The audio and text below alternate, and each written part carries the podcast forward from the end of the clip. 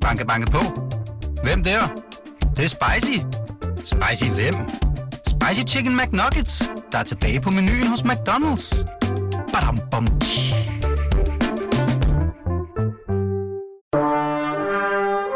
Du lytter til Radio 24 Velkommen til Flaskens Ånd med Poul Pilgaard Jonsen. Det var en stor en, var det ikke? Det er en meget stor en. Ja. Jeg håber, at du har nogen, noget, et formål med bagefter. Det har jeg faktisk. Øh, formålet det er, at... Øh, eller hvad man skal sige. Jeg har fødselsdag i morgen. Nå ja. Altså, vi optager det her program mandag jo. Og så bliver det jo sendt på lørdag. Men nu her, i dag, i talende stund, mandag, der er der en dag til at fødselsdag, og jeg skal have nogle gæster i morgen aften. Og øh, så tænker jeg, at øh, hvis vi nu åbnede en magnum her, fordi jeg vil virkelig gerne smage den her, mm. og drikke den sammen med dig, eller drikke noget af den sammen med dig, så kunne ja. jeg bruge resten på, øh, som velkomstdrink i morgen. Det er derfor. Og du har en så det er en magnum. der kan ja, det har klare jeg. det. Det har jeg, og det var fordi, Peter Øvig, at du, øh, da jeg spurgte dig, om du ville komme og spurgte, hvad du ville drikke, så sagde du, at du gerne ville have bobler. Ja. Ja. Så det får du. Peter... Og det behøver ikke nødvendigvis være champagne. Nej, jeg det vil bare det helst så. have bobler. Ja. Det så. Og det er altså Pe- heller ikke noget imod. Du? Nej, det er ikke noget. Peter Øvig Knudsen, eller Peter i øvrigt Knudsen. Ja. Kan du huske, hvem der, Det sagde, minder- hvem der kaldte dig om- det? Du minder mig om den gode Kistrup. som hver gang man mødte ham på gangen i det berlingske hus, så sagde han, jamen der kommer jo Peter i øvrigt Knudsen. Peter, han gav, han gav jo øgenavn til os alle. Ja. Det var fordi, du var på weekendavisen dengang. Du har arbejdede, været vi, har været en kolleger år, Det er ja. godt nok længe siden. Hvornår stoppede du egentlig? Jeg stoppede for små 20 år siden for at skrive bøger. altså længe siden. Ja, så længe er det siden. Nå, men jeg kan i hvert fald huske, at, at, at Jens Kistrup, det berømte anmelder, som skrev både for Berlingske og for Weekendavisen, han... Øh, sådan. Ja, han altid sagde Peter og i øvrigt Knudsen. Ja. Så det her, det er en... Øh, det er en, øh, en champagne fra en producent, der hedder Mandois. Og det er en Blanc de Blanc, det vil sige, den er udelukkende lavet på øh, Chardonnay-druer, altså hvide druer. Langt, eller mange champagner, de bliver lavet på både røde og hvide druer, så tager man bare skinnet fra med det samme, så, bliver, så er mosten stadig lys. Ikke? Mm. Men her er det altså kun hvide druer, og så er den fra 2012, så den har lige lidt alder. Og så er det altså en magnum, og altså af en eller anden grund, så modner vin jo bedre, udvikler sig bedre i store flasker. Okay. Jeg har faktisk smagt den for øh, nogle uger siden, og jeg synes, det smagte helt vildt godt. Det var derfor, jeg tænkte, at jeg skulle bruge den til fødselsdagen også. Ja. Og altså så meget praktisk lige til dig også. Ja. Værsgo. Tak. Det jo egentlig meget sjovt med det her program, der hedder Flaskens Ånd. Det er jo så fordi, at øh, jeg mener, at man nogle gange kan have nogle oplevelser med vin, hvor man... Altså, hvor der ligesom er en effekt, der tyder på, at der bor en eller anden form for ånd inde i flasken, der ikke har med alkoholen at gøre nødvendigvis. Og har det så med mængden at gøre, eller Nej, nej, kvaliteten nej, nej, at nej, gøre? nej, men det er et eller andet, der er i nogle flasker, men det er desværre ikke så tit, man oplever det. Men, øh, nej, men de fleste kender det måske lidt fra champagne faktisk, fordi man, man bliver jo sådan lidt høj eller stimuleret af champagne på en anden måde, end man gør øh, af den samme mængde alkohol, hvis det nu var i øl eller jægermeister eller Bestemt. Det et eller også- andet. det er ikke? også min erfaring. Så der bor en lille ånd inde i al champagne, vil jeg sige. Ja. Nej, men det, der var sjovt, det er, at øh, i din nye bog, min mor var besat, hvor undervejs du jo altså selv var blevet besat, havde han sagt, i hvert fald gennemlevet en voldsom depression. Som du har fortalt om offentligt, og vi skal også snakke lidt om det her. Vi skal også snakke om en masse andet, faktisk. Ja. Øhm, men øhm, altså, der går du jo faktisk til en alternativ behandler, som øh, påstår, hun har kontakt til ånderne. Mm-hmm. Ikke? Og det er sådan, at der er en ånd, der har besluttet sig for, at du skal igennem det helvede. Du så kommer igennem, ikke? Ja, jeg ved ikke, om det er en ånd, men, men jeg har faktisk gået hos, øh, hos Dorte Betts og fået massage og fået gode råd til kost og i det hele taget gode råd øh, i mange år. Og så er der så også andre af mine venner, der går hos Bett. Og de fortalte mig så, at hun også kan tale med ånderne. Og det var jeg egentlig ikke specielt interesseret i. Øh, Det synes jeg, da jeg var yngre, har jeg ja. talt med mange, der kunne tale med ånder. Øh, Men da jeg så blev syg og det bliver sådan en meget alvorlig depression, så, så, bliver, så bliver jeg i hvert fald, det tror jeg de fleste gør, fuldstændig desperat efter at finde et eller andet svar. Et eller andet, der kan hjælpe. Ja.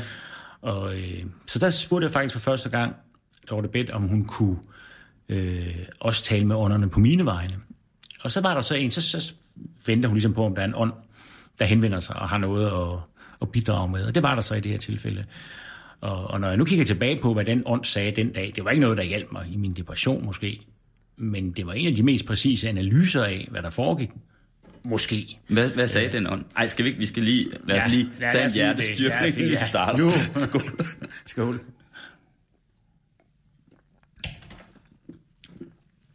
Den smager dejligt. Mm. Det gør den altså. Den smager dejligt. Også her, Ja. tidligt på dagen. Ja, klokken er et, mens vi optager her. Lidt tidligere, end vi plejer, men altså, så er det godt, det champagne, det har været hårdt med en rødvin nu, ikke? Ja. Nå, men hvad sagde, hvad sagde den ånd så angiveligt? Jamen, på det her tidspunkt var jeg jo sådan, altså meget stærkt deprimeret, og jeg var holdt op med at arbejde. Jeg var i gang med at skrive den her bog om min mor, som jo ikke skulle have handlet om mig, den skulle have handlet om min mor. Øhm, så der kom en ånd og sagde, at øh, den depression, jeg havde nu, det var rigtigt, at den var værre, eller i hvert fald anderledes end noget, jeg havde prøvet før. Fordi det, jeg var i gang med, det var at prøve min mors depressioner. Og de adskilte sig fra mine ved især at være mere præget af håbløshed. Mm. Så det var det, jeg var i gang med, fordi jeg kunne ikke skrive en bog om min mor og hendes depressioner, mente den her ånd, en tibetansk ånd, øh, mm. uden at jeg havde gjort erfaringer med det selv. Og det ville i det hele taget styrke bogen, og det ville øh, øh, styrke også det håb, der kom i bogen, fordi nu skulle jeg jo så blive rask. Det var ånden også helt sikker på, at jeg ville blive. Og så ville det jo repræsentere en form for håb, at jeg var kommet ud på den anden side af den her depression. Øh, og jeg ved jo ikke, om jeg blev deprimeret, fordi jeg var ved at skrive en bog om min mor. Øh, men der er i hvert fald et meget, meget slående sammenfald. Øh, og jeg fik også i min egen bevidsthed viklet det godt og grundigt sammen. Fordi din mor led af voldsomme depressioner. Hun led af voldsomme depressioner, som jeg så, mm. den dag hun døde, ligesom fik en ny fortolkning af. Der var en, altså det, at hun døde, var en meget lykkelig begivenhed for mig. Nærmest en euforisk, øh, mm. nærmest en euforisk dag. Og der synes jeg, at jeg, jeg indså nogle nye sider af min mor, eller gav mig selv lov til at tænke tanker om min mor, der var så ubehagelige, så, så de måske, er, altså, at man simpelthen, øh, altså der er jo et forbud i vores kultur, måske i alle kulturer i virkeligheden, mod at tale grimt om sin mor. Mm. Og, øh, og det er jo ligesom, om det forbud blev i hvert fald hævet for en dag, og måske også øh, for mere end det. Og de tanker, jeg havde den dag, min mor døde, som var så befriende at tænke, det var, at hun på en eller anden måde var besat. Mm. At, hun, at, der var, at der var dæmoner, der havde adgang til hende. At de der oplevelser, jeg havde helt tilbage fra jeg var dreng, lille dreng, af at hun var uhyggelig. Det var simpelthen, fordi hun var besat af dæmoner. Mm. Og det ved jeg jo ikke. Øh, mm. Og jeg ved ikke engang, om jeg tror på dæmoner. Men, Nej, men, fordi men jeg var- vil lige, nemlig spørge dig, nu alle, der har læst din bog, vil jo så vide, plus forskellige interviews med dig omkring udgivelsen, at det var, øh, at det var sådan set øh, en serie elektroshock, der hævder ud af depressionen, og ikke øh, det, som den tibetanske ånd, hvad skal man sige, forudskikket, Nej. sk- skulle være din forløsning, ikke? Nej. Så jeg tænker på, hvad du, om du egentlig giver ret meget for den ånd. Altså, nu har jeg jo i, i mange år, både som mennesker og som forfatter, været optaget af komplekse forhold. Altså, jeg elsker, når noget ikke går op, øh, eller når noget er paradoxalt og simpelthen ikke hænger sammen. Og det synes jeg er et element i alle mine bøger. Øh, så så det, det generer mig sådan set ikke, at det her heller ikke hænger sammen eller går op. Fordi jeg tror, at jeg endnu mere end nogensinde før øh, har gjort den erfaring, at, at sådan indviklede forhold, komplekse forhold, som for eksempel psykisk sygdom, eller for eksempel en depression, øh, den kan man ikke forklare på et niveau. Men nu jeg sidder og siger det, så kommer jeg til at tænke på, at det har jeg sgu da lært af Søren Ulrik Thomsen, da jeg som ung mand øh, var ude og lave et interview med ham. Øh, det er måske 30 år siden eller mere. Men du er 57 nu. Ja, Ja, så du været midt i 20'erne. Ja, men jeg tror, det var som, som, som journalist på Månedsbladet Pres, der lige da jeg var færdig på journalisterskolen. Og han sagde nemlig noget til mig, som, som jeg faktisk har haft som en slags ledetråd siden. Han er jo nok et af de klogeste mennesker, vi har. Øh, nemlig, at, at man får altid problemer, hvis man blander forskellige niveauer sammen. Altså det materielle niveau, det åndelige niveau, det politiske niveau. Øh, han var især dengang, og det var fordi, der var vi stadigvæk tæt på 70'erne optaget ikke at sammenblande det politiske og det kunstneriske niveau. Ja. Det må man for guds skyld øh, holde adskilt. Øh, Aldous Huxley har faktisk skrevet noget af det samme, som en af mine yndlingsforfattere. Og, og jeg synes, at det giver mest gevinst, hvis man ligesom tænker, at der er forskellige forklaringsniveauer. Ja. Og derfor kan der være et, du, du nævner elektrochok, det er jo sådan et helt materielt, øh, hjernekemisk, eller øh, ja, jeg ved sgu ikke lige helt alt hvad man skal kalde det, lidt mystisk faktisk, ikke? At, at, at strøm igennem hjernen kan, kan gøre, at man får det bedre. Og så er der jo et psykologisk niveau, og der er et kemisk niveau i hvert fald med medicin. Øh. Og så tilføjede jeg så her, det havde jeg ikke tænkt før min mor døde, at, at der måske også var et, hvad skal vi kalde det, spirituelt niveau. Altså at der kunne være ånder, der regerede, der kunne være dæmoner, der regerede. Og jeg tror, folk, der har prøvet at have en... Har du prøvet at være deprimeret? Nej, Nej. gudskelov. Nej. jeg har været nær tæt på nogen, ja. øh, som, ja. som, øh, som, som, som er det øh, indimellem. Og det øh, må jeg indrømme, øh, altså, det, det har indgivet mig stor respekt øh, for det, der kan sige, ja. altså redselsfuldt. Ja. Sygdom. Altså. Jeg tror, at hvis man... Nu har jeg prøvet sådan at have lidt mildere depressioner tidligere i mit liv. Ikke fordi de var føles særlig milde, men, men de var da i hvert fald mildere end den seneste her. Forhåbentlig den sidste. Det lærte uh, Søren Ulrik Thomsen mig også, at han, jeg kom til at skrive hans sidste digtsamling. Uh, det var en major mistake. Det er den seneste. Så ham har jeg i baghovedet åbenbart. Uh. Uh, altså, der, der, der synes jeg, at, at når man har prøvet nu, og nu har jeg prøvet at have en alvorlig depression, jeg tror folk, der har prøvet at have en alvorlig depression, de vil genkende det, jeg taler om. Det kan godt være, at de ikke kalder det dæmoner.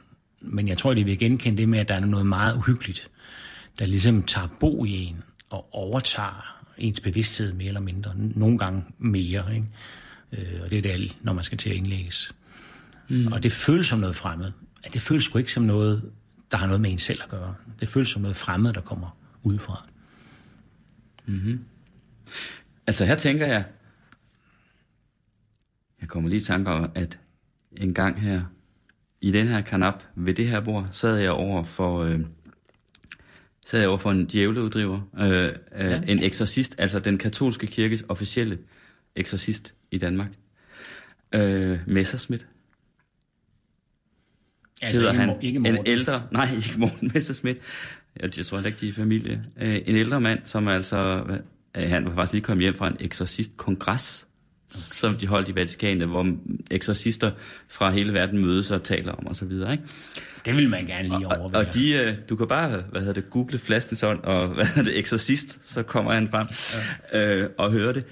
Men øh, og der er klart, at øh, altså, som jeg forstod det, så er de jo meget ops på, øh, hvem der i virkeligheden bare i gåsøjne har en psykisk sygdom hvis man nu i øvrigt tror på, at man kan blive besat. Ikke? Det har jeg ja. ikke sagt noget, men jeg tror på. Men hvis man nu tager den præmis, øh, så skiller man jo alle de psykisk syge fra. De skal hen øh, til en psykiater eller i det offentlige behandlingsvæsen. Han skal sådan set kun tage sig af de virkelig de, ja. besættelser. Ikke? Og dem kan han skille mellem. Men jamen, det var, det var det sjove, fordi det andet var jo, øh, sådan som jeg også husker det, at... Øh, Altså at den slags depression, symptomer på depression i virkeligheden også kunne tolkes som en besættelse. Ja. Ja. Måske tror du på dæmoner så? Faktisk. Mm, lidt sådan. Altså, jeg, jeg har ikke fundet en bedre forklaring, men jeg er helt parat til at, at få en bedre forklaring. Og i hvert fald er der mange, øh, som stadigvæk ligesom holder fast i, at der er én forklaring på depressioner, som øh, er en forklaring på et niveau, ikke? som så kan være den biologiske forklaring. Altså genetisk den genetiske næsten. forklaring. Den ja. genetiske forklaring. Ikke? Øh, når man siger, at, at når, når jeg fortæller min mor depressioner, så er der i hvert fald mange psykiater, der så siger, nå ja, så er det det, der foregår. Øh, eller det psykologiske plan, som jo har været meget dominerende i mange år. Altså fordi du har været udsat for din mor, om så må sige. Ja, er du blevet deprimeret? Simpelthen, simpelthen, ja. simpelthen. Barndomstraume. Og så er tredje. Øh, og så er der det, det dæmoniske lag her, og så er der sikkert nogle flere, som jeg har glemt lige nu. Der er jo også folk, der mener, at det er nogle tarmbakterier, og der er folk, der mener, at man skal spise noget mere fiskeolie og D-vitamin. Så der er jo et hav af forskellige forklaringer. Det, som jeg bliver lidt udmattet over, det er, hvis der er nogen, der tror, at deres forklaring dur på ja. alle depressioner. Ikke? Det er en form for, for fundamentalisme. Nu, nu tillader jeg mig lige, Peter Øvig, at være lidt fræk her. Altså, ja. Og det er ikke, fordi jeg tror, at det er en sand, sand teori, men det slog mig bare pludselig. Øh, i, i, I går tror jeg, at... Øh, fordi du har aldrig lagt skjul på, heller ikke i interviews osv., at du har røget hash, meget hash indimellem. kunne det ikke være det? Altså, man hører jo om, at hash kan lede til jamen, alle mulige psykoser, depressioner. Ja, ja, det kunne det også godt være. Altså. Altså, øh, min, øh, mine læger på Rigshospitalet vil i hvert fald gerne have, at jeg lader være. Øh, de har ikke rigtig nogen evidens, så spørger jeg jo selvfølgelig, fordi at det er mit vigtigste nydelsesmiddel. Ligesom vin nu er dit. Ja. Og så, øh, så spørger jeg dem, om de har evidens for det, og det har de ikke. Okay. Så det er sådan ligesom en fornemmelsesag, at det kunne godt øh, være noget, der fremkaldte depressioner eller forværrede dem. Jeg har i hvert fald den naturlige reaktion til, at når en depression, når jeg ligesom må indrømme eller se øjnene med mig selv, at, at nu har jeg fået en depression, så holder jeg op med at ryge hash. Jeg holder også op med at, ryge, eller at drikke alkohol. Øh, det føles naturligt. Ja. Altså, jeg holder mig til det her i glasset. Og du har ikke fået Øh, og- depressioner, så- Nej, det har jeg ikke. Og sidste gang, jeg røg noget, der var i den boldgade, det var ikke engang has, det var vel pot, det var, der var jeg 19 år. Ja. Og der fik jeg det faktisk mega dårligt. Det var på Midtfyns Festivalen i Ringe. Og så fik jeg sådan noget med, at jeg fik sindssygt hjertebanken. Altså der bare blev ved og ved og ved og ved i lang, lang tid. Og så røg jeg på sådan en infirmeri.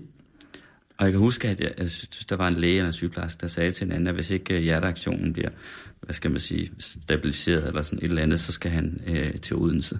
ja.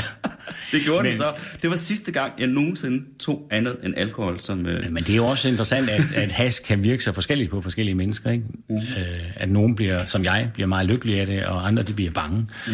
Men det er jo egentlig det samme som, som psykofarmaka. Der, det har også, det har lægerne jo forklaret mig, de ved egentlig ikke helt, hvordan det virker på et bestemt menneske. Man er nødt til at prøve sig frem. Alkohol, der er der også nogen, der bliver meget skønne ja, hvis, af alkohol. Og så er der også det modsatte. ja. Så de der øh, stoffer, der påvirker vores hjerne, de er meget individuelle. Mm. Altså, nu, det er min egen erfaring, at alkohol er værre for mig. Altså, jeg bliver mere trist øh, af, af sådan en tømmermandstilstand. Ja, efter- bagefter. Ja. Altså. ja. Men det er meget sjovt, det der med, øh, hvor, hvor forskelligt det virker for folk. Altså, altså der, hvis der er folk, der bliver, når de bliver meget beruset, så kan de jo nærmest skifte personlighed. Og det synes ja. jeg er meget skræmmende. Ja. Og jeg kan ikke lade være med, jeg ved ikke, om der er belæg for det, men altså tænke, at det på en eller anden måde er vidner om en eller anden form for personlig brist et eller andet sted. Ja. Altså, at øh, du ved, at man ligesom fuldstændig bliver nærmest en anden person. Altså, jeg er jo... De fleste jeg, bliver dog bare gladere, eller Ja, ja. taler måske ikke så rent. Jeg synes, jeg har mødt et par eksempler øh, på meget stilfærdige mennesker, som kan blive meget voldsomme, når de drikker sig fulde. Men det kan jo også bare være, at, at de holder igen på deres aggressioner til daglig, altså braser det igennem. Der er nok ikke nogen tvivl om, at alkohol ikke ville blive tilladt, hvis, øh, hvis stoffet blev introduceret her i 2019. det ville det nok ikke. Jeg synes, det er lidt sjovt, er måske et forkert ord, men det her med, at du der i den grad har været sådan en antipsykiatri, ikke? Ja. Altså en, som så meget skeptisk på hele psykiatrien, ikke? Ja. Øhm, og da du var ung og virkelig, øh, ja nu tillader mig, nu er jeg fræk igen, men altså vulgær marxist, Ja, næsten, ikke? I, det må du gerne. I kommunistisk arbejderparti, altså Ja. der, der så I vel på psykiatrien på sådan noget på linje med andre dele af kapitalen, der på en eller anden måde skulle, hvad hedder det, pacificere, hvad skal man sige, det, det mennesket, ikke? Altså øh, en del af undertrykkelsesapparatet, ikke? Som Jo, kapitalen stod for, ikke? Jeg kan ikke huske øh, præcis, om der egentlig, hvordan marxismen præcist vurderede psykiatri, men det er nok noget i den retning som undertrykkelsesapparat. Men jeg kan jo især huske, så efter min tid som det, du kalder vulgær marxist, det kan vi godt kalde det, så var jeg jo så, øh, øh, så blev jeg jo mere præget af hippierne. Altså mødte nogle, Ja. nogle rigtige hippier, nogle af de centrale hippier, øh, som havde stor indflydelse på min verdensbillede, og det er sådan set, sådan, har, sådan er det stadigvæk. Øh, Men, men deres, øh, hippiernes opfattelse af psykiatrien, var jo ikke bare, at det var et undertrykkelsesapparat, det var det da helt bestemt, men det var ovenikøbet sådan, at de opfattede jo de psykisk syge som, som sundere Ja, de er raske. end de, end de psykisk raske. Ja, for de reagerede bare på et usundt samfund, ikke? Det var det, det var. Psykisk sygdom var en sund reaktion på et usundt samfund. Ja. Øh, og det, det gjorde jo selvfølgelig, at, øh, at man bare skulle holde sig væk fra psykiatriske hospitaler. Og de der synspunkter, hvad enten det er nu hippier eller marxisme, ja. Øh, dem har jeg jo øh, bevaret langt op i tid, indtil jeg så selv begyndte øh, at tænke, jeg må det var ikke nok med de her åndemaner og psykoterapeuter, så jeg må også prøve noget andet. Jeg må, især da jeg fik børn, så får man sådan et behov for fandme, at der skal gøres noget ved det, så det ikke, så det ikke går ud over dem. Mm. Så der har jeg jo langsomt et mig ind på det. Men, men det hele radikale skridt var selvfølgelig under den her alvorlige depression, hvor jeg endte med at blive indlagt. Og så hvor det var psykiatrien, der sådan set reddede dig, fordi du var, var vel nær selvmordstruet, ikke? Det var psykiatrien, der reddede mig. Jeg var, jeg, jeg, var, øh, jeg var meget syg, jeg var alvorligt deprimeret, jeg var til sidst også psykotisk. Da jeg blev indlagt, var jeg psykotisk. Så der var jeg sådan godt gammeldags sindssyg. Mm. Så, så, så jeg har jo ligesom måttet tage en, selvom jeg var lidt begyndt at, at æde noget af min gamle øh, modstand mod psykiatrien, så var den, det kunne jeg mærke, da jeg nærmede mig indlæggelse, at jeg var skrækslagen, og jeg så Jack Nicholson i gøreden for mig. Altså, jeg skulle, jeg tror da jeg brugte det ord, at jeg skulle uh, zombificeres. Mm. Altså, jeg skulle simpelthen gøres til en zombie. Det var det, der var formålet med mm. at blive indlagt. Og jeg synes nu, hvor jeg har talt med en del mennesker om den her slags, siden jeg blev udskrevet for halvandet år siden, øh, at der er ret mange mennesker, der har det på samme måde. Så det er jo ikke kun gamle hippier og marxister. Jeg tror, der er ret udbredt skræk for lukkede psykiatriske afdelinger. Ja. Og, og det ravne vanvid, som vi alle sammen sådan, øh, mm. øh, er, har et eller andet sted i vores bevidsthed. Hvad, hvad tænker du egentlig om, øh, om at have taget øh, fejl på det punkt der? Jamen, øh, jeg har jo skrevet om så mange mennesker, der har taget fejl, og hvor jeg synes, det er meget, meget smukt, når nogle få af dem, ofte og kun nogle få af dem, erkender fejlen. Og det har været og, og bliver det, klogere i Og det har været i det, med det politiske, ikke? Ja, det har sikkert været med det politiske. Det var faktisk uh, i de, de, de par år, hvor vi begge to arbejdede samtidig på Weekendavisen, der skrev du artikler, hvor du uh, talte med folk, der havde været ude på den yderste venstrefløj, været kommunister. Ja, faktisk og som medlem havde, af mit eget lille uh, maoist-parti. Præcis, ja, det parti, ja. du selv havde været medlem i, uh, af altså om den selvrensagelse, øh, der fandt sted der. Det beundrer jeg da øvrigt meget for, altså, fordi det var jo din egen selvrensagelse ja. på skrift der, ikke? Den, ja. den serie i virkeligheden gik ud på, ikke? Ja. Prøv at forstå dig selv. Så nu tager jeg lige en anden fejltagelse, du har, ja. du har begået ja. i dit liv. Jeg har ikke begået meget andet end fejltagelse. Men nej, det jeg mener, at det er sådan mere, måske lidt mere overordnet. Altså, hvordan kan det være, at man kan tage så meget fejl? Jamen altså, nogle gange så, så øh, tror jeg, at jeg har været... Altså, at dels er der, det kan vi lige vende tilbage til, et, et grundmysterium i det hos mennesker, ikke? men altså helt personligt tror jeg, at jeg er sådan er lidt euforiker, er der noget, der hedder det? Altså sådan, jeg kan godt lide, når noget virkelig flammer, altså når der virkelig er tryk på. Øh, og, og det må man jo sige, at i 70'erne, altså, hvor jeg var en stor dreng, ikke? eller begyndte at blive en stor dreng, der var det jo der, der var tryk på. Så hvis jeg synes, at det hele min verden så lidt småborgerlig ud i det her parcelhuskvarter, og man så pludselig møder nogle mennesker med brændende øjne, så er det da der, euforikeren går hen. Ja. Øh, og senere var det, var det øh, hippierne, der også introducerede mig for de bevidsthedsudvidende stoffer, som jo også er et værktøj for euforikeren. Ja. Er der noget, der hedder en euforiker? Ja, det er vel en, der har let ved eufori. Altså, ja, jeg, jeg ved ikke, om jeg nødvendigvis har let ved det, men jeg er stærkt tiltrukket af det i hvert fald. Ja, ja, Nærmest sådan, at jeg nok tror, da jeg var ung, der var tænkte jeg, det, det, det, tilværelsens mening, det er at være euforisk. Ikke? Altså at være virkelig oppe og suse. Så der tror jeg, jeg har bare vokset op i en tid, hvor, hvor, hvor jeg kom lige efter de der store strømninger. Og vi havde jo ikke i vores, hvis jeg nu tillader mig at gøre os nogenlunde lige gamle, ikke, så havde vi jo ikke nogen øh, strømning i vores øh, generation, som ligesom var sin egen. Altså der var besætterne, men det var kopier af marxismen og, og, og hippierne på forskellige måder.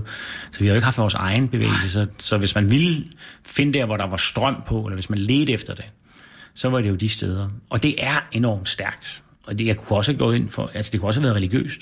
Øh, mm.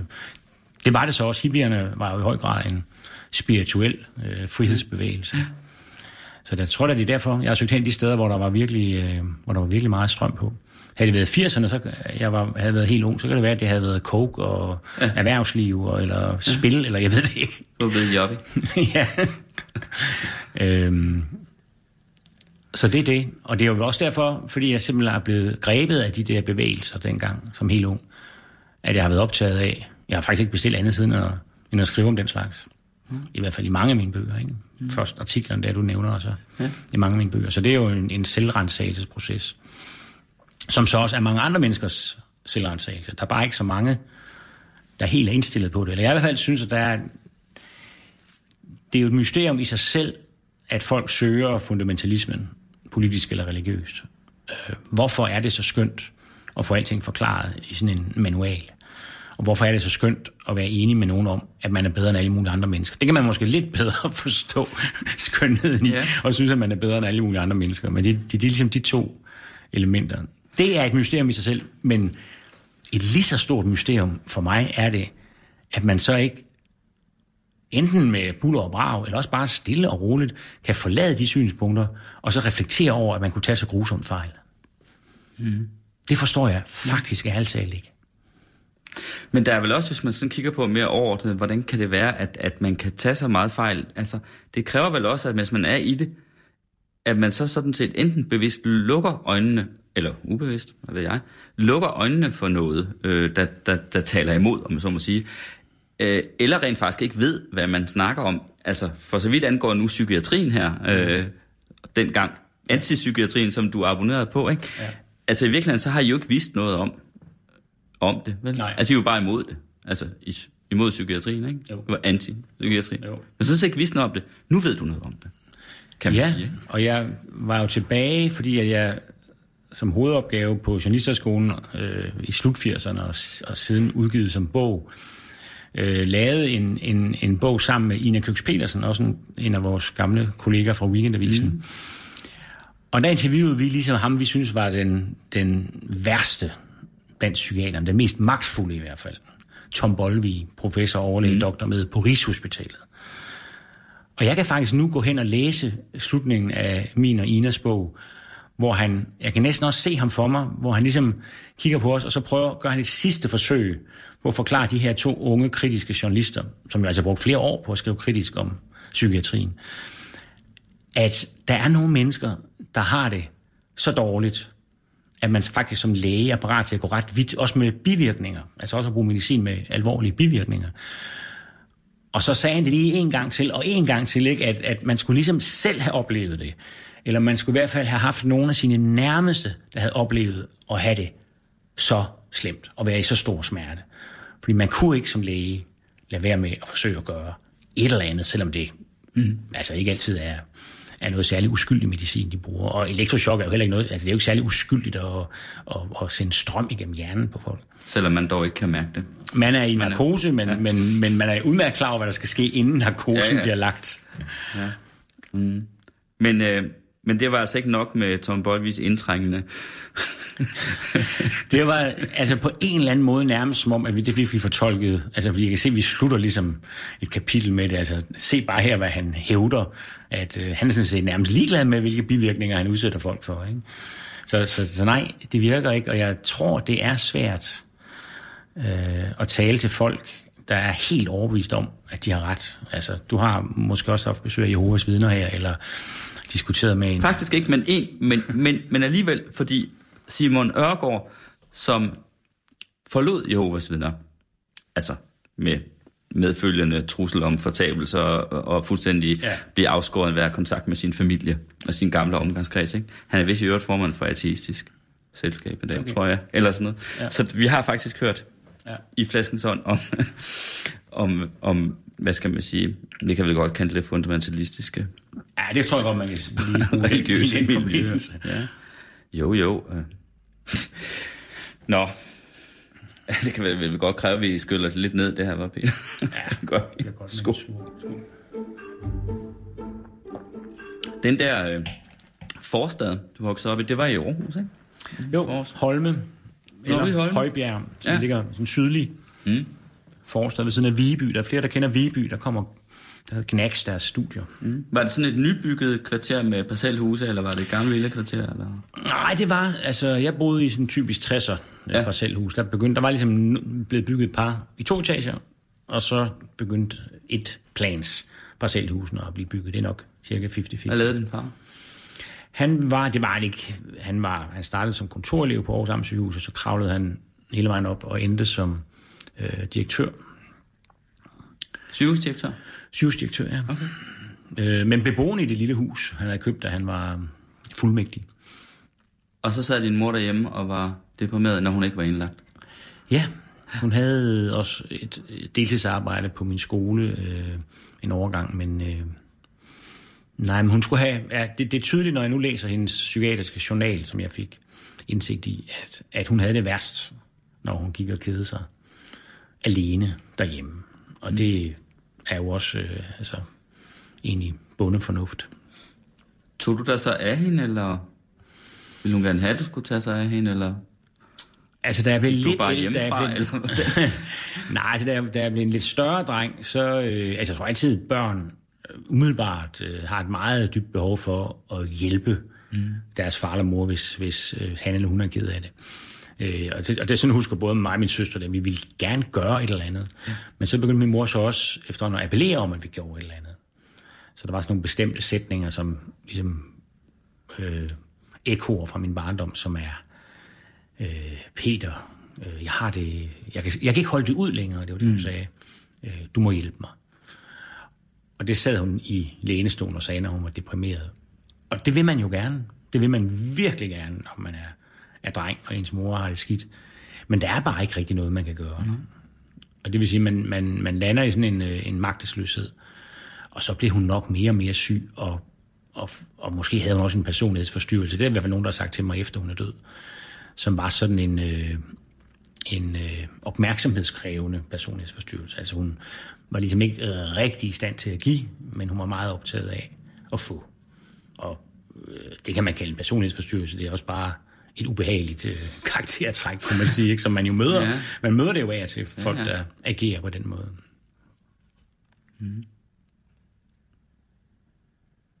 det lyder tungt, mørkt. Ja, det var tungt.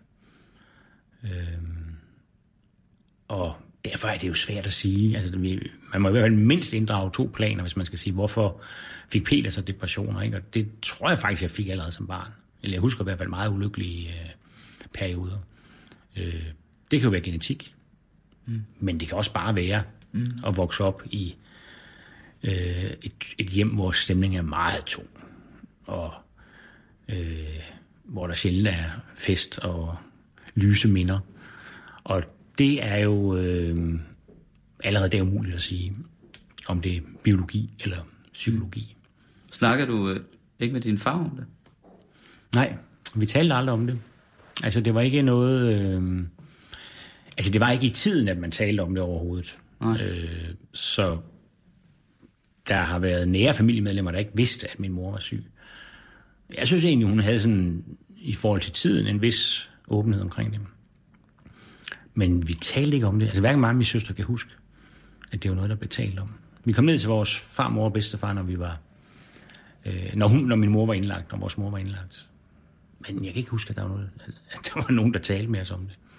Altså egentlig lidt påfaldende, faktisk, når man tænker tilbage, mm. at, at der ikke var nogen, der lige var nede i børnehøjde og sige, øh, hvordan, hvordan har I det egentlig med det her, ikke, at jeres mor er syg? Ja, hvordan havde du det med det? Altså, hvordan reagerede du der som barn? Jamen det er meget øh, skræmmende, især når man jo ikke får nogen forklaringer. Så, så er det meget skræmmende, at ens mor skifter personlighed. Og, og så er vi jo tilbage ved det, vi talte om i begyndelsen, ikke? At, at det virker som om, at der er noget fremmed, der kommer ind i en. Og det har jeg oplevet både for, både for mig selv, og så set det hos min mor. Ikke? Som om der er noget fremmed, der kommer ind i en, når man har en alvorlig depression. Og det vil sige, at jeg, har, jeg kan huske at se min mor med sådan et meget uhyggeligt ansigt, altså hvor hun var... Øh, altså det er jo ligesom svulmet op, det kan være, fordi hun har grædt meget, eller det ved jeg ikke, men, men det forekom sådan opsvulmet og uhyggeligt og forvrænget. Og øjnene var uhyggelige. Og det var i hvert fald ikke min mor. Altså jeg var godt et eller andet sted klar over, at det her var min mor, men, men øh, det var på en måde et andet menneske. Og min mor beskriver, eller min søster beskriver også det mest uhyggelige som min mors øjne. Altså, som hun... Og sådan, det, jeg bruger ikke lige de ord, men, men hun siger, at de var jo ikke, hun var jo ikke, det var ikke sorg. Det var ikke øjne, der var ked af det. Det var øjne, der var sorte. Så det er noget andet end bare at være, at være trist. Ikke? Det er også noget ja, mm. sort.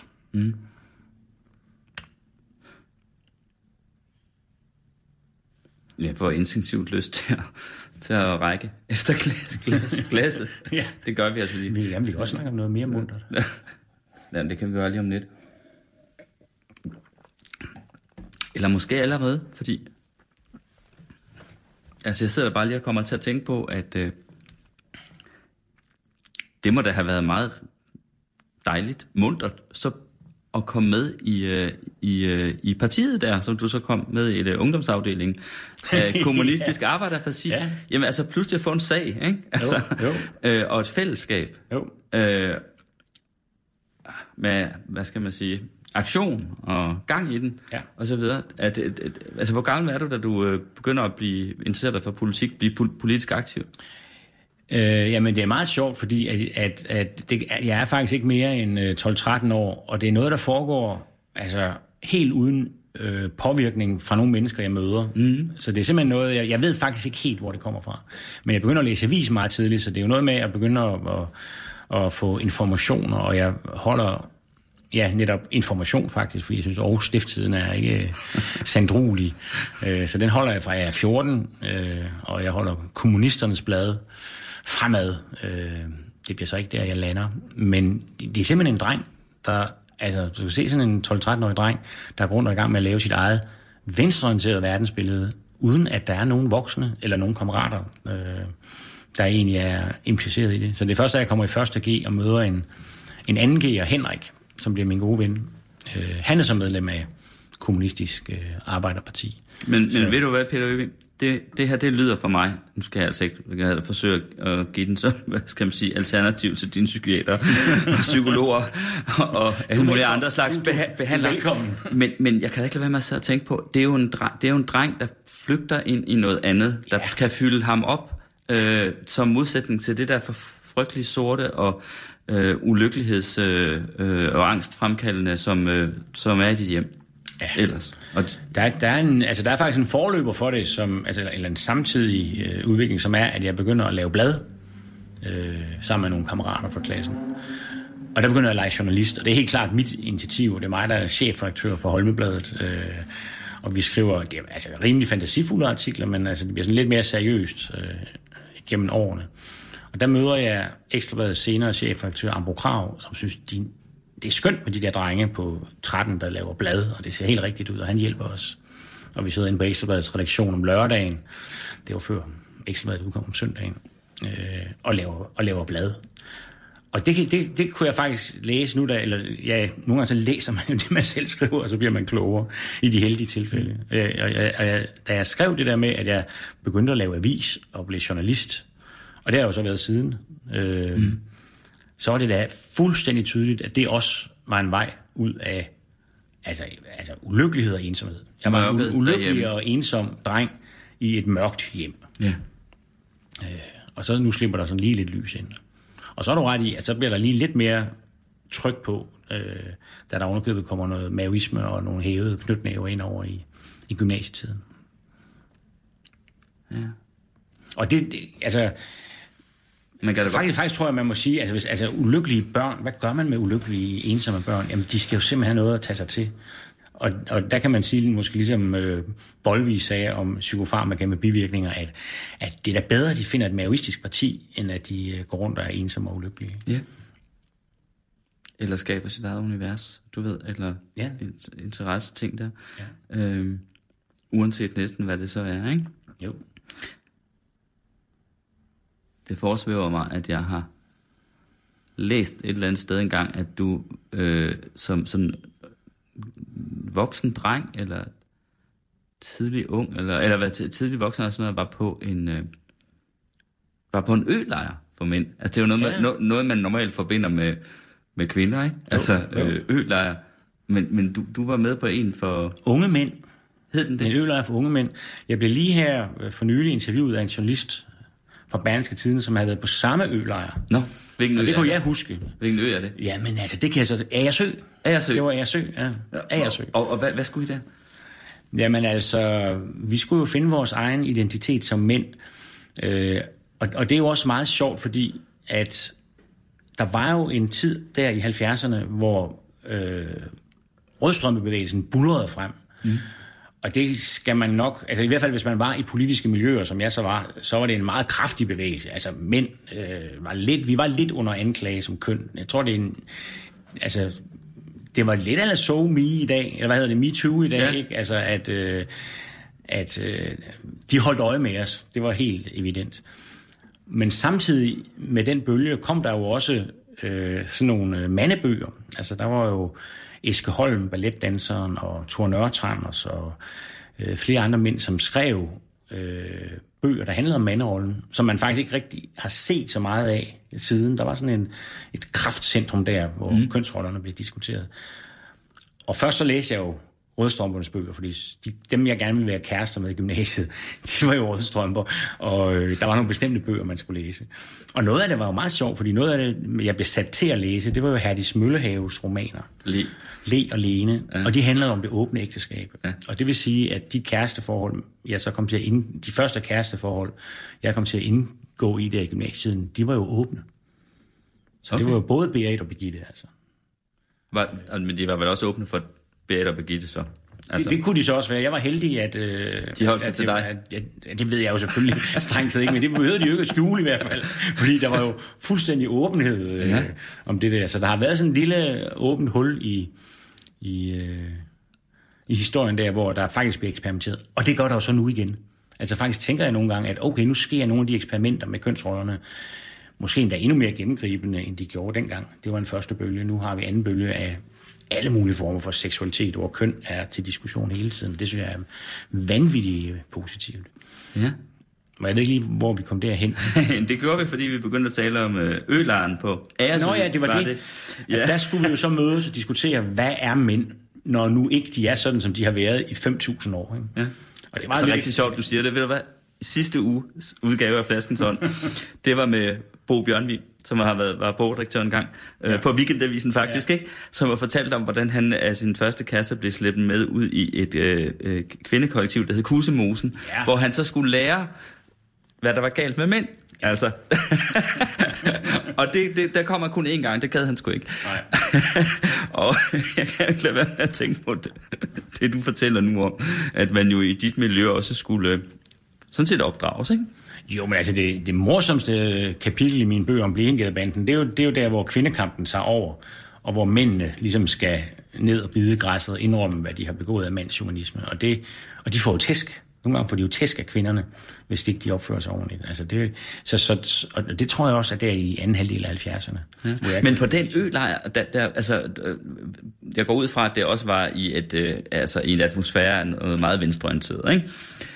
Hvad skulle I så der? Måske mere for... hippie altså det, det, det er okay, lidt mere men der var I kun mænd, ikke? Der var kun unge mænd, ja. Og hvad skulle I så lave der? Altså, hvordan foregik det?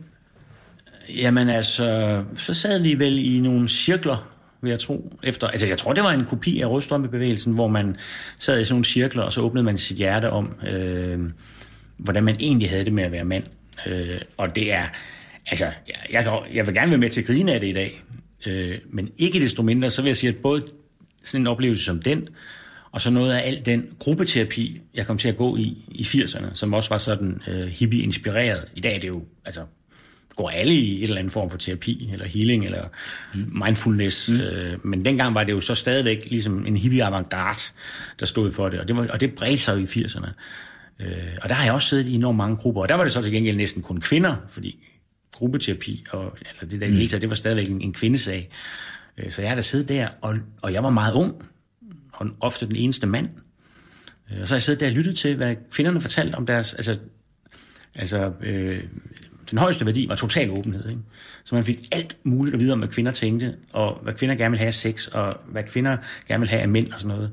Altså, det var da en guldgruppe. Og sådan tror jeg da egentlig også, det var, uden at jeg kan huske det helt konkret, at være på den der mandeølejr det var da en guldgruppe, at der pludselig sad sådan, jeg ved ikke, om vi var 50 øh, unge mænd, jeg tror, jeg var 20, ikke? og fortalte, hvordan de egentlig havde det. Det havde jeg sgu aldrig oplevet før. Og jeg synes, jeg tror ikke, jeg sagde så meget. Altså, jeg var sådan stadigvæk lidt overvældet. Hvad, hvad kan du egentlig forestille dig, at du har sagt?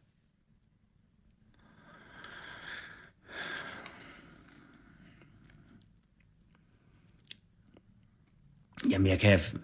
Altså, den, den fejl, man var ved at... Altså, eller, det var jo... Øh, altså, det, der foregik der i slut 70'erne, var jo i en noget defensiv stemning fra mandens side. Ikke? Mm. Øh, altså, det handlede jo om, og så kan man sige, at det handlede det om, fordi man gerne ville have de der kvinder, ikke? så man var nødt til ligesom at gøre dem lidt tilpas. Øh, men det handlede om, at man skulle indrømme sin fejl. Øh, så jeg vil da tro, at jeg har siddet og fortalt om nogle øh, gerninger, jeg har begået over for kvinder, som ikke, eller for piger, kan man vel stadigvæk kalde det dengang, som ikke har været helt fine i kanten. Mm. Men altså, jeg, jeg, jeg tror, måske var det en dag, måske var jeg kun 18.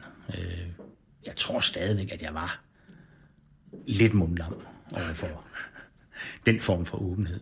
Jeg, jeg synes egentlig, jeg er kommet efter det siden hen der i, i 80'erne. Der, der, der kan jeg huske, at man altså, stort set fortalte hvad som helst. Og man levede sine følelser ud. Altså, man græd og hyldede og råbte og skreg. Men, men gik du i de gruppeterapier der i 80'erne, fordi du havde depression? Ja. Også? Okay.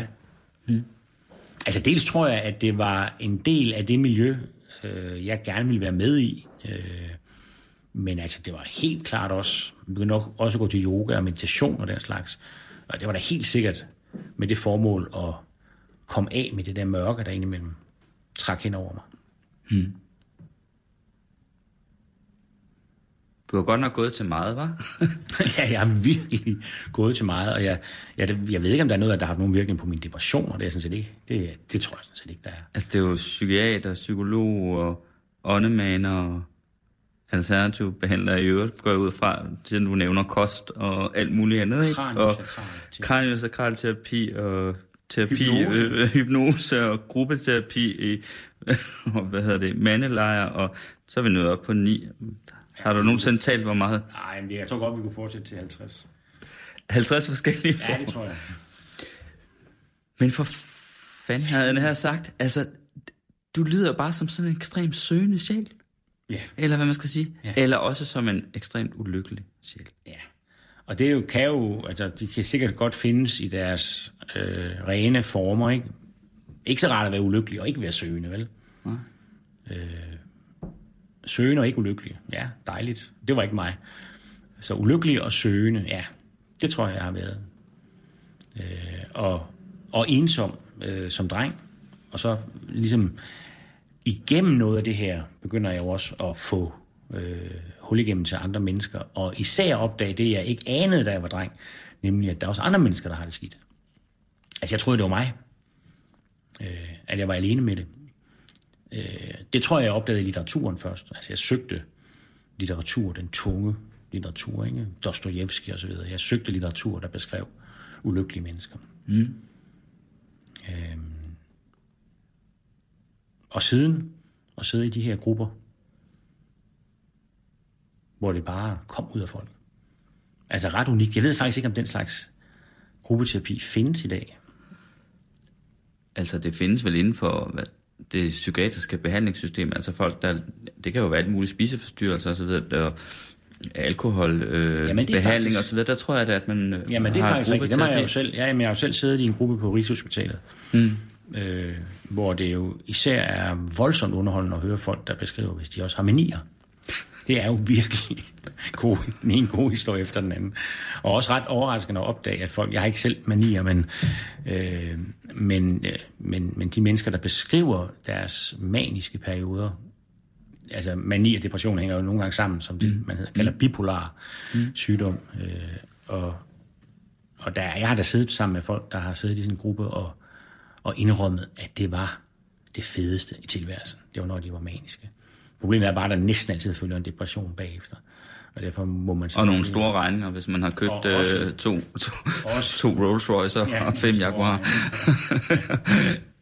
Eller 24 kasser champagne, men der Jeg hælder altså lige lidt op til os ja, her, tak. fordi nu skal du høre, øh, altså der er god grund til det champagne nu, for nu skal vi tale om dine mange penge. Altså, har du tjekket mine finanser? Nej, det har jeg ikke. Skål. Skål. Men jeg er fra Vestland, så jeg kan regne, du. Det er jo fordi, jeg har læst, at du har solgt 400.000 eksemplarer af Blikkingadebanden, ikke? Ja. Og øh, du har jo også skrevet en masse andre bøger.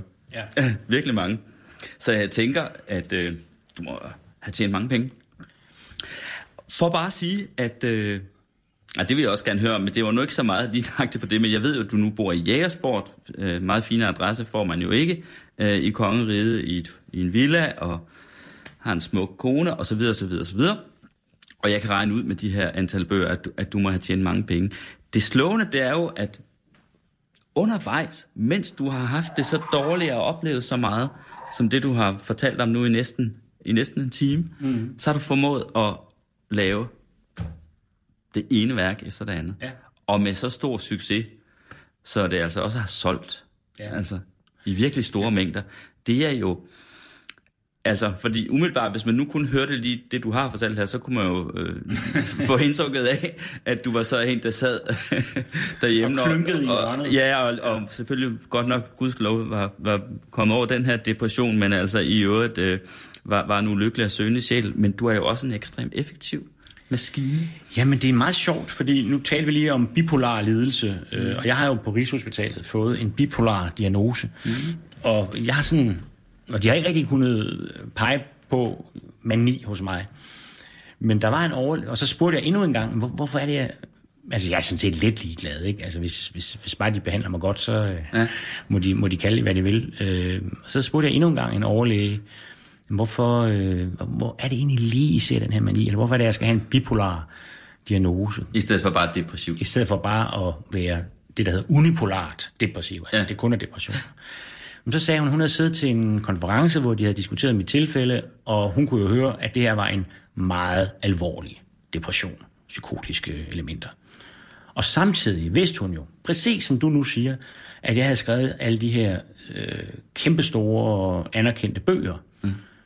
Det ville man ikke kunne gøre. Og de har godt nok, der er depression. mange sider i hver. Ja, der er og mange- for, som regel er de, og mange er- ord. og som regel er der flere bind i hvert værk, ikke? Af Ja. kirke, kirkebogsstudier. Nå, men hun sagde sådan set, at man ville ikke kunne være i stand til som en person, der lider af depressioner, og skrive alle de der bøger, hvis ikke der var et manisk element.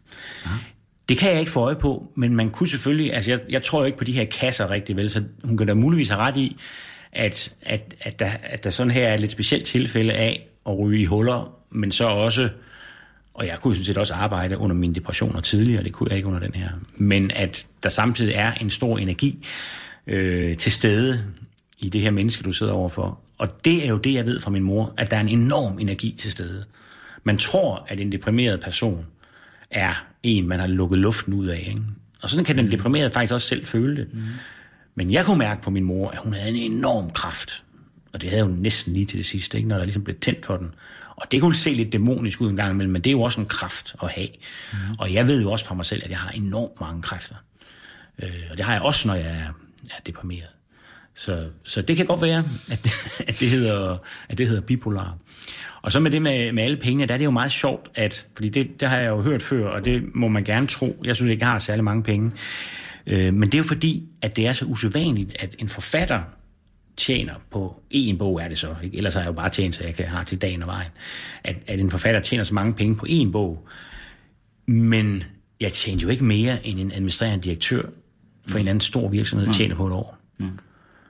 Så når man har gjort det et år som forfatter, og det er nu 10 år siden, ikke?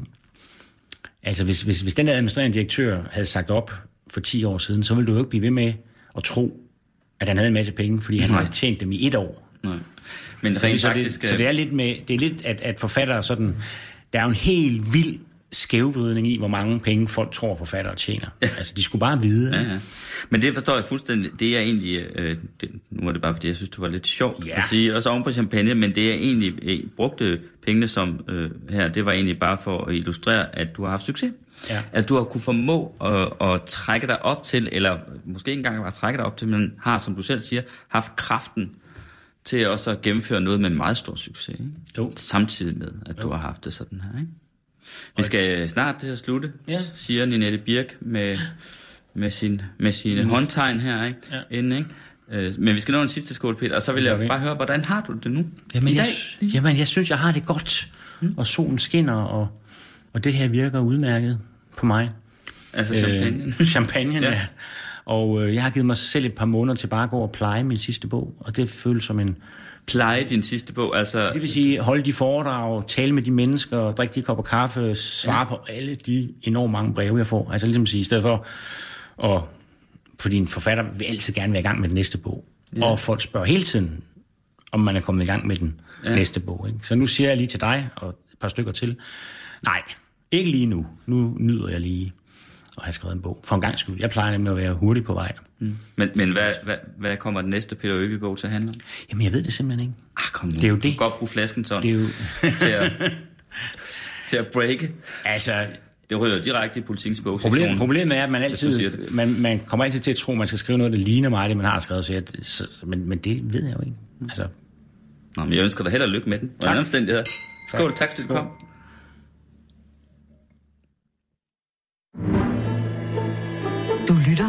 Radio 24 /7.